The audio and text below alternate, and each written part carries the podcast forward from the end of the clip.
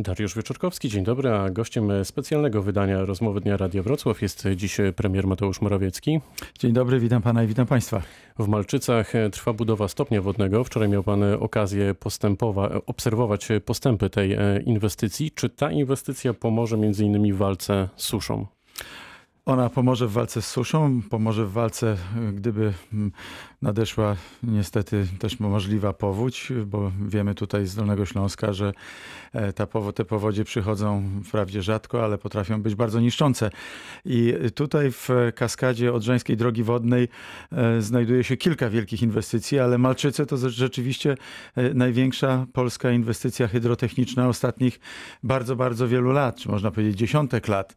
Zapoczątkowana w 1997 roku po powodzi, ale później praktycznie nic się nie działo przez szereg lat. I dopiero w 2016-2017 roku ruszyły roboty z kopyta i tam mamy i ten jazd klapowy i elektrownię wodną, która lada moment będzie dostarczać prąd i rzeczywiście bardzo ważny dla uregulowania przepływu wody mm, stopień wodny, dzięki któremu i ekolodzy, i rolnicy, i leśnicy, i wszyscy mieszkańcy będą dużo bardziej bezpieczniejsi, będziemy mieli wyższy poziom wód gruntowych, a więc lepsze zarządzanie zasobem wodnym, który w przeciwnym razie po prostu wpływa do Bałtyku i zapewne bardzo pięknie, ale mm, państwa bardziej dojrzałe lepiej zagospodarowują swój, swoje rzeki, swój zasób wodny. Zresztą te inwestycje robiły przez 150 lat. My dopiero teraz musimy je nadrabiać.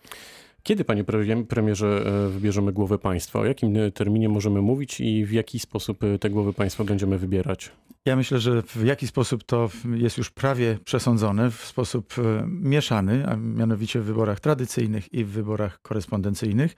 Zachęcamy wszystkich, którzy czują się w jakikolwiek sposób w obszarze ryzyka, zwłaszcza osoby starsze, ale też oczywiście wszystkie osoby w kwarantannie, to rzecz jasna, do wzięcia udziału w sposób korespondencyjny. Ale Mm, jeżeli ktoś mm, nie czuje takiego ryzyka, zresztą wybory będą za kilka tygodni, prawdopodobnie, bo pytał pan o datę 28 czerwca, e, to zależy też od tempa prac Senatu. Jak wiemy, Senat w ostatnich paru miesiącach e, spowalniał wielokrotnie prace legislacyjne i przez to utrudniał wdrażanie Choć teraz ma się pośpieszyć. Teraz no, zobaczymy, jaka będzie decyzja Senatu. Mm, I, I tutaj planujemy na roboczo koniec czerwca. Co pan sądzi o kandydaturze Rafała Trzaskowskiego? Ta zmiana w koalicji obywatelskiej? Zmiana była oczywiście bardzo dziwna, nietypowa. Wycofanie swojego kandydata, e, takiego jakim była pani marszałek Kidawa-Błońska, to na pewno szok dla wielu wyborców Platformy Obywatelskiej i bardzo mm, nietypowe zachowanie. Mm, aczkolwiek wobec wszystkich kandydatów e, podchodzę z pokorą i na pewno mm, trzeba ze wszystkimi się liczyć. Oczywiście pani marszałek jako e, kobieta, chyba jedyna kobieta w, w tam gronie kandydatów była na pewno bardzo groźnym konkurentem również, ale i pan prezydent Warszawy jest y, bardzo mm, groźnym kandydatem niewątpliwie.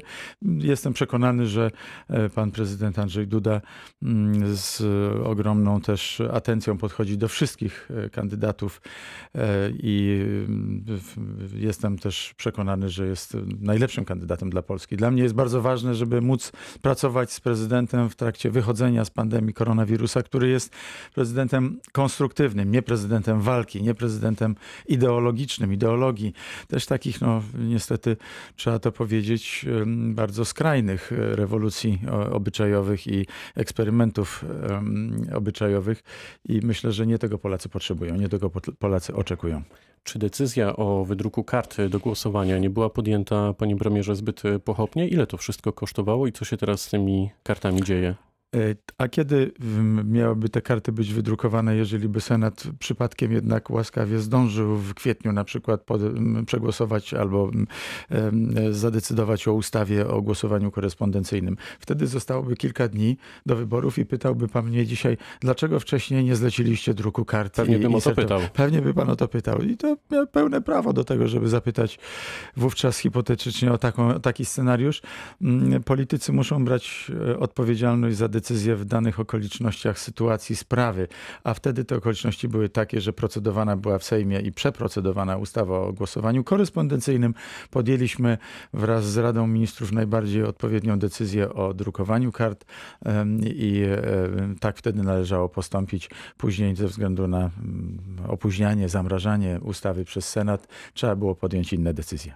Ma pan e, pełne zaufanie do ministra Łukasza Szumowskiego? Mam więcej niż pełne zaufanie i chcę podkreślić tutaj, że to właśnie dzięki ministrowi Szumowskiemu jesteśmy dzisiaj w dużo lepszej sytuacji, jeśli chodzi o epidemię, jej rozwój, a zwłaszcza liczbę zgonów, a zwłaszcza e, liczbę łóżek zakaźnych dostępnych dla leczenia osób z koronawirusem, niż bardzo bogate kraje zachodnie. Wtedy to był czas, kiedy e, spotykaliśmy się jako Rada Ministrów, czy prawie, prawie w komplecie Rada Ministrów i gwałtownie poszukiwaliśmy możliwości zakupu sprzętu ochrony osobistej. Przypomnę, bo to niektórzy mają bardzo krótką pamięć, może powinni otworzyć swoje własne e, tytuły gazet albo swoje własne programy i przypomnieć sobie, e, o co wtedy apelowali, żeby ze wszystkich stron świata ściągać, mianowicie te różne sprzęty ochrony osobistej. A więc to robiliśmy, była to mm, decyzja poprzedzana e, weryfikacją przez służby zazwyczaj i ze wszystkich stron świata staraliśmy się ściągać ten sprzęt ochrony osobistej i dzięki temu, że robiliśmy to, to w bardzo krótkim czasie udało nam się dostarczyć tego sprzętu wiele do placówek medycznych, do domów pomocy społecznej, do służb mundurowych, a wreszcie też do wszystkich pozostałych ośrodków, które tego potrzebowały. Bardzo dziękuję panu ministrowi Szumowskiemu, że stanął na wysokości zadania, w sposób odważny podejmował decyzje i odrzucam wszelkie mm, zarzuty, które są wyłącznie wysaną z palca propagandową e, chucpą. A czy historie związane z bratem pana ministra, które pojawiają, pojawiają się w ostatnich dniach w mediach, e, czy w tym aspekcie też ma pan pełne zaufanie do pana ministra? Oczywiście, że tak. Wystarczy prześledzić sobie, e, w którym okresie e, firma, w której udziały posiadał również brat pana ministra, otrzymywała dotacje. Podobnie zresztą jak bliźniacze firmy o bardzo podobnym profilu działalności gospodarczej. I później, kiedy ministrem został pan Łukasz Szumowski, to właśnie ta firma w porównaniu do pozostałych dwóch firm, które również były notowane na giełdzie, potraktowana została gorzej a nie lepiej. A więc z tego wynika, że e, straciła raczej na tym, że pan e, minister Łukasz Szumowski został ministrem zdrowia. No i zresztą z tego co wiem, to również e, nie tylko nie nadzorował prac Narodowego Centrum Badań i Rozwoju przyznających dotacje, ale wręcz poprosił o wyłączenie ze wszelkiej odpowiedzialności i takie zapewnienie uzyskał od ówczesnego ministra, czyli pana premiera Gowina. Gdzie jest dziś Polska w walce z koronawirusem? my mamy ten szczyt za sobą, czy nadal to jest jeszcze moment, kiedy czekamy? Najważniejsze jest to, że epidemia koronawirusa została opanowana. Czy my y, jesteśmy jeszcze na takim bardzo powolnym wchodzeniu na szczyt, czy już jesteśmy za tym szczytem, to pewnie historycy już za parę tygodni będą mogli opisać w swoich e, annałach. Natomiast najważniejsze jest to, że mamy 11,5 tysiąca łóżek zakaźnych, z czego wykorzystywanych jest trzy. Czy pamięta pan redaktor, czy pamiętacie państwo, jaka była, jakie były obawy, jaka w niektórych krajach Europy Zachodniej panika panika zapanowała związana z tym, że brakowało łóżek. Wiązała się ona niestety z dramatycznymi wyborami, y, które jeszcze kilka tygodni temu do głowy by nam nie przyszły, że w najbogatszych krajach świata brakuje łóżek, brakuje respiratorów, brakuje miejsc do leczenia chorych i w związku z tym podaje im się morfinę, no mówiąc krótko, żeby szybciej zmarli, może bez cierpienia. E, w Polsce nie tylko do tego nie doszło, nie tylko mm, dla każdego chorego mieliśmy e, czas, sprzęt medyczny, respiratory, e, lekarstwa, ale liczba zgonów na milion pacjentów jest nieporównanie niższa niż w najbogatszych krajach świata. Dla przykładu w Belgii jest to na milion mieszkańców 30 kilka razy więcej, a więc mm, to, co nam udało się zrobić tutaj, świadczy o właściwych działaniach we właściwym czasie podejmowanych w bardzo trudnych okolicznościach. No, opozycja oczywiście nie docenia tego, troszeczkę tak jak e, lis z bajki Ezopa najpierw pragnął tych winogron, które wisiały wysoko, jak stwierdził, że już do nich nie doskoczy, to, to, to, to, to przyznał w duchu sam sobie, że one chyba są kwaśne i nie warto po nie skakać. Pewnie, pewnie opozycji dzisiaj jest troszeczkę głupio, że wtedy nie wierzyła w to, że uda nam się tak obronną ręką wyjść przez ten kryzys epidemiczny. Ale sam pan minister jesteśmy... Szumowski kilka tygodni temu tak, podkreślał, tak, że ma dużo obawy. Tak, niepokój był we wszystkich nas oczywiście, ale dzisiaj, kiedy widać już, porównując do krajów Europy Zachodniej, że przeszliśmy dalece bardziej obronną ręką mm, przez te bardzo trudne wody koronawirusa, e, to, e, to myślę, że prawda i, i obiektywna, obiektywny ogląd sytuacji przebija się do świadomości ludzi i dzisiaj głównym wyzwaniem są sprawy gospodarcze. W jakiej kondycji jest e, budżet państwa w tej chwili? Czy koronawirus go zdemolował w cudzysłowie, czy te tarcze, które wprowadzacie jako rząd teraz czwartą odsłonę, niejako działają, współdziałają z budżetem? Budżet państwa jest oczywiście w, w sytuacji dużo bardziej napiętej niż rok 2019 czy 2018. To jest oczywiste we wszystkich krajach świata, czy, czy myślę, że prawie wszystkich krajach świata e, deficyty budżetowe będą rosły, dług publiczny będzie rósł, ponieważ my zastosowaliśmy cały arsenał środków z, e, o charakterze fiskalnym, budżetowym, monetarnym, finansowym i e, kompozycję różnych linii finansowych po to, żeby pomóc polskim przedsiębiorcom, żeby oni ratowali miejsca pracy.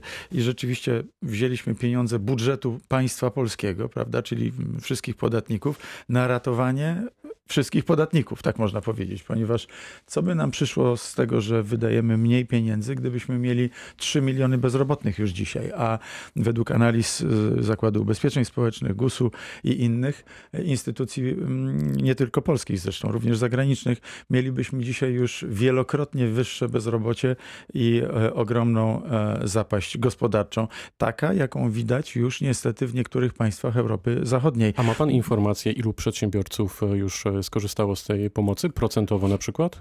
Tak, oczywiście z tarczy finansowej bezpośrednio skorzystało już ponad 160 tysięcy przedsiębiorców i w tym to są przedsiębiorcy też średniej wielkości i e, nie tylko mikroprzedsiębiorcy, to, to przedsiębiorcy, dzięki którym uratowaliśmy już ponad 2 miliony miejsc pracy. Z tarczy antykryzysowej skorzystało kilkaset tysięcy mniejszych przedsiębiorców i osób na postojowym, tutaj powyżej miliona e, osób na postojowym czyli ratujemy również miejsca pracy, bo gdyby ktoś został zwolniony, maszyny się dekapitalizują, rynek, rynek e, pozyskany, rynek produktów, rynek usług mm, znika, prawda, mm, to e, trudno odtworzyć taką firmę, trudno jeszcze zbudować z powrotem po pół roku od nowa coś, co uległo zapaści. A jak samorządy wywiązują się z obowiązku przekazywania tych pieniędzy już przedsiębiorcom? A bardzo różnie, muszę powiedzieć. Te mniejsze samorządy e, lepiej, bo my przekazujemy z budżetu państwa te środki i e, samorządy pełnią tutaj wyłącznie rolę dystrybucyjną. E, natomiast tam, gdzie my bezpośrednio zasilamy przedsiębiorców z Polskiego Funduszu Rozwoju, to przedsiębiorcy mm, nie mogą wyjść ze zdumienia, że ten proces przebiega tak szybko, że tutaj w ciągu mm, praktycznie jednego, dwóch dni pieniądze są na koncie.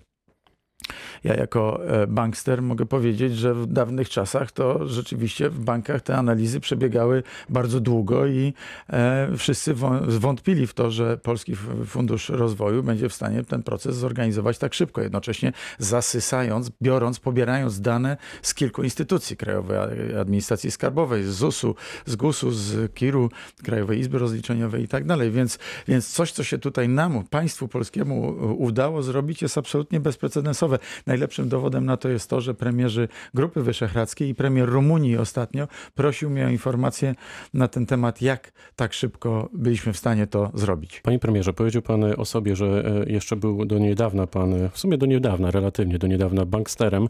E, czy jako bankster nie widzi pan potrzeby uwolnienia trochę większej liczby niedziel handlowych, nawet właśnie w kontekście koronawirusa, żeby tę gospodarkę jeszcze mocniej zastymulować, że tak to ujmę? Powiedziałem to z e, pewną dozą sobotniego uśmiechu ja e, wobec e, samego siebie, ponieważ akurat uważam, że wszelkie działania, które służą przedsiębiorcom, ludziom w kredytowaniu, w montażu linii finansowych pod realizację ich marzeń, ich pragnień, ich przedsięwzięć, ich inwestycji, to jest bardzo dobra i bardzo ważna rola. Tylko, tylko tak, się, tak się tutaj jakby niektórzy wyzłośliwiają i ja z, serdecznie serdecznością przyjmuję wszystkie te różne złośliwości. W związku z tym staram się używać tej mojej wiedzy, którą pozyskałem na rynku przez dwadzieścia kilka lat, e, pracując w sektorze przedsiębiorstw, w sektorze e, finansowym, w sektorze bankowym, dla dobra polskiej gospodarki. I myślę, że ta szybka odpowiedź na to, co dzieje się dzisiaj i to, że jesteśmy pytani przez kraje Europy Środkowej, jak my to robimy, nie mając jednocześnie tak potężnych zasobów gotówki jak Niemcy, czy Francja, czy Hiszpania albo Włochy, świadczą o tym, że udało się tutaj zaaplikować kilka instrumentów stricte rynkowych, A stricte niedziele biznesowych. handlowe? Proszę. A niedziele handlowe? Co do niedziel handlowych, myślę, że nastąpiła pewnego rodzaju tutaj równowaga w em, oczekiwaniach przeciwników, zwolenników i niech tak zostanie jak jest. Kiedy otworzymy granice? Tak na dobre. Szczególnie nas interesuje to tutaj na Dolnym Śląsku, bo z jednej strony mamy Niemcy, z drugiej strony e, Czechy i wiem, że szczególnie dla osób, które pracują w e, tych krajach i muszą codziennie przekraczać e, granice przy tak małej liczbie otwartych punktów granicznych, no to jest naprawdę ogromny problem. Rzeczywiście dla tych osób, które przemieszczają się do pracy codziennie w kwietniu ze względu na zamknięte granice sytuacja była utrudniona, ponieważ po powrocie z pracy musiały one być poddane dwutygodniowej kwarantannie. Jeżeli chciały pracować, musiały znaleźć sobie miejsce noclegowe i wiele osób tak robiło po drugiej stronie granicy. Z początkiem maja uwolniliśmy te, e, to obostrzenie i e, dzisiaj sytuacja jest o wiele lepsza, ale mm, słusznie odnosi się pan do liczby przejść tych granicznych, które nie są głównymi przejściami, bo tu mm, niektóre osoby, które pracują po drugiej stronie granicy, czy akurat województwo dolnośląskie graniczy i z Niemcami i z Republiką Czeską, mm, muszą nadrabiać czasami wiele kilometrów drogi, więc chcę powiedzieć, że w najbliższym czasie e, pozostałe przejścia graniczne pozostałe, postaramy się bardzo szybko, wkrótce uruchomić po to, żeby ułatwić tym, którzy mm, przemieszczają się do pracy, e, życie w takim trybie, jak to było w sytuacji przed koronawirusem. Wielu dolnoślązaków e, też w związku z koronawirusem e, ma problem z przedostaniem się z punktu A do punktu B ze względu na e, cięcie przez e, przewoźników e, kolejnych połączeń. Niektórzy je zawiesili nawet e, do września włącznie. Przez to mieszkańcy nie mogą się w zasadzie w ogóle wydostać e, ze swoich e, domów e, tutaj w regionie. Czy ma pan pomysł, jak rozwiązać ten problem i czy na przykład tarcza kryzysowa, o której rozmawialiśmy, to jest jeden z tych mechanizmów, który może pomóc? Tarcza antykryzysowa i tarcza finansowa pomaga również przewoźnikom. W ustawie przyjętej przez Sejm e, podjęliśmy taką decyzję, że dodatkowo zasilamy e, właśnie na przykład e, lotniska w Polsce i po to, żeby te, żeby, żeby te lotniska również lokalne, te mniejsze lotniska mogły przetrwać. Natomiast najważniejszą rzeczą jest transport publiczny i transport publiczny zbiorowy, taki jak pociągi, musi w Polsce przetrwać. Ja zdaję sobie sprawę z tego, że wszystkie spółki e, kolejowe przeżywają dzisiaj bardzo trudny czas, ponieważ liczba pasażerów zmalała na niektórych odcinkach o kilkadziesiąt procent. I w związku z tym trzeba pomóc tym liniom odbudować siatkę połączeń, pomóc im w odzyskaniu płynności. I dlatego na pewno państwo polskie poprzez tarczę finansową nie zostawi e, linii kolejowych e, w samych sobie w tym bardzo trudnym czasie i w porozumieniu z samorządami będziemy starali się m, odbudowywać połączenia. Na przykład tutaj na Dolnym Śląsku e, jest e, dość e, ciekawy układ sił, ponieważ Prawo i Sprawiedliwość zawiązało koalicję z lokalną, z lokalnymi e, samorządowcami i marszałek Przybylski, z którym wczoraj również rozmawiałem o utworzeniu Dolnośląskiego Centrum Onkologii, takiej wspaniałej, nowoczesnej placówki tutaj we Wrocławiu, służącej wszystkim Dolnoślązakom i myślę, że również szerzej, jest bardzo dobrym przykładem dobrej współpracy między państwem a samorządem i zachęcam do tego, żeby rezygnować z tej obstrukcji mm, i e, jak najlepiej wykorzystywać środki rządowe. Jeszcze tylko dokładnie, dosłownie jednym zdaniem dopowiem to, co pan pytał pięć minut temu, czyli które samorządy sobie nie radzą na przykład z dystrybucją mikropożyczek. Otóż jednym z najgorszych samorządów w Polsce jest miasto stołeczne Warszawa. Tam e, no niestety urzędnicy em, pana Trzaskowskiego nie bardzo potrafią sobie poradzić, czyli e, sposób zarządzania nawet dużo mniejszą jednostką, chociaż potężnym miastem, ale dużo mniejszą jednostką niż jest e, cała Polska, no pokazuje, że jest bardzo wiele em, do życzenia, pozostawia bardzo wiele do życzenia. To może trzeba im pomóc. A pomagamy oczywiście i to jest bardzo słuszna uwaga. E, Ja poprosiłem panią minister Maląg, minister rodziny, żeby pomogła poprzez naszych, nasze procedury, nasze protokoły, nasze, naszych ludzi e, miastu stołecznemu Warszawa rozwiązać ten problem, tak jak pomogliśmy Warszawie, a właściwie załatwiliśmy za miasto stołeczne Warszawa problem, który tam e, niestety zaistniał jesienią zeszłego roku, a mianowicie wyciek ścieków z mm, tak zwanej czajki. I to państwo polskie pomogło wszystkim warszawiakom i pomogło wszystkim, którzy mieszkali na północ od Warszawy i niestety doświadczali tej katastrofy ekologicznej.